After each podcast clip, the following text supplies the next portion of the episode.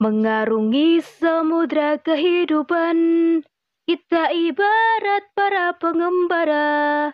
Hidup ini adalah perjuangan, tiada masa untuk berpangku tangan. Setiap tetes peluran darah tak akan sirna ditelan masa. Segores luka di jalan Allah kan menjadi saksi pengorbanan.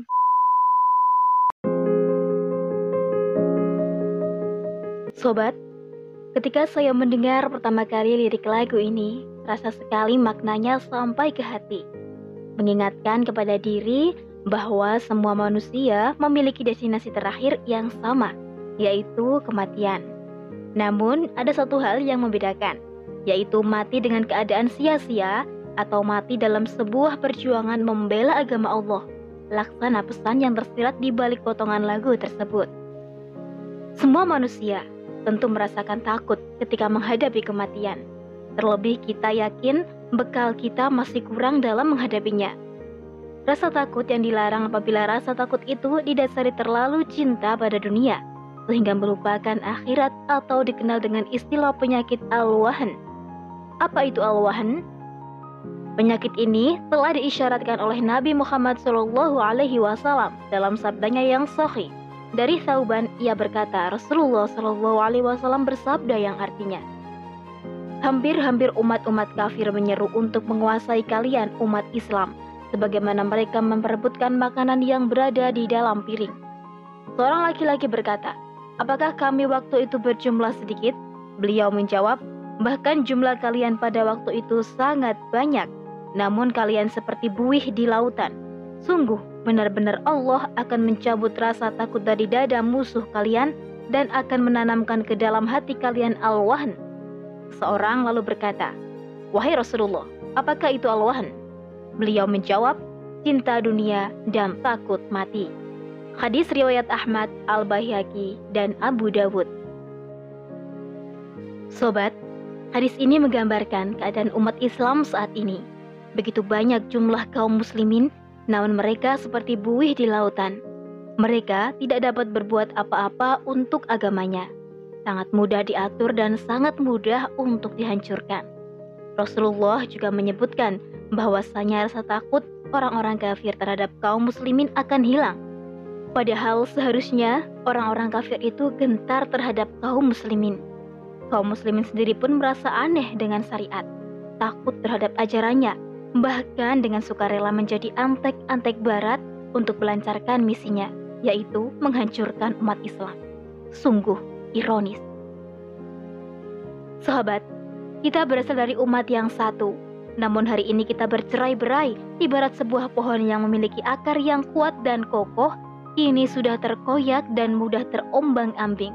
Mengapa ini semua terjadi? Barangkali kita lupa bahwa musuh Islam akan membuat kita seperti yang mereka inginkan, menjadi terpecah belah, kemudian dengan mudah agama kita diperolok-olok. Ingatlah, ketika kematian itu hendak menjemput kita, namun kita masih sibuk dengan perkara duniawi. Kita tidak mau berdakwah, kita tidak sempat berjuang, sehingga Islam masih dicampakkan sebagai aturan kehidupan. Ingatlah pula bahwa kematian itu tidak dapat dihindari sekalipun kita pergi ke tempat yang paling terpencil atau bersembunyi di balik benteng yang kokoh, tetap saja kematian akan menghampiri. Dahsyatnya kematian seharusnya menjadi renungan bagi setiap insan. Rasulullah sebagai manusia yang agung dan sangat Allah cintai, masih dapat merasakan dahsyatnya ketika ajal tiba. Rasulullah pun berkata, alangkah pedihnya maut, hingga malaikat Jibril pun tak kuasa memandang wajah Rasulullah. Rasulullah pun tiada henti berdoa agar diringankan sakaratul mautnya. Imam Ghazali dalam Dzikrul Maut wa ma ba'dahu menggambarkan betapa Rasulullah merasakan kepedihan yang sangat, bahkan tanpa rintihan dari beliau hingga warna kulit beliau berubah. Dahi beliau juga berkeringat, hingga tarikan dan embusan nafasnya mengguncangkan tulang rusuk kanan dan kiri beliau. Sehingga Orang-orang yang menyaksikan beliau menangis melihat beliau berjuang menahan rasa sakit. saking sakitnya sakaratul maut, digambarkan sama dengan 300 kali tebusan dengan pedang. Astaghfirullahaladzim. Pertanyaannya, saat ajal hendak menjemput kita, sudahkah kita siap menghadapinya? Sudahkah kita mengisi waktu dengan optimal dalam setiap kewajiban yang Allah perintahkan?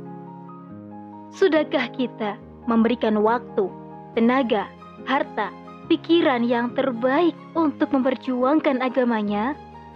Sudahkah kita memaksimalkan ketaatan dan menjauhi kemaksiatan? Jika belum, marilah kita merenung sambil bertaubat atas segala kekhilafan kita.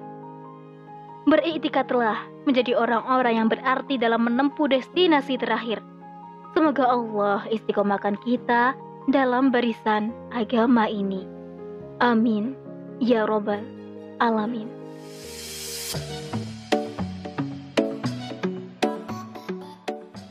Demikian, saya Dewi Fitriana menyampaikan rubrik motivasi karya dari Ahsani Asri mempersiapkan destinasi terakhir kehidupan.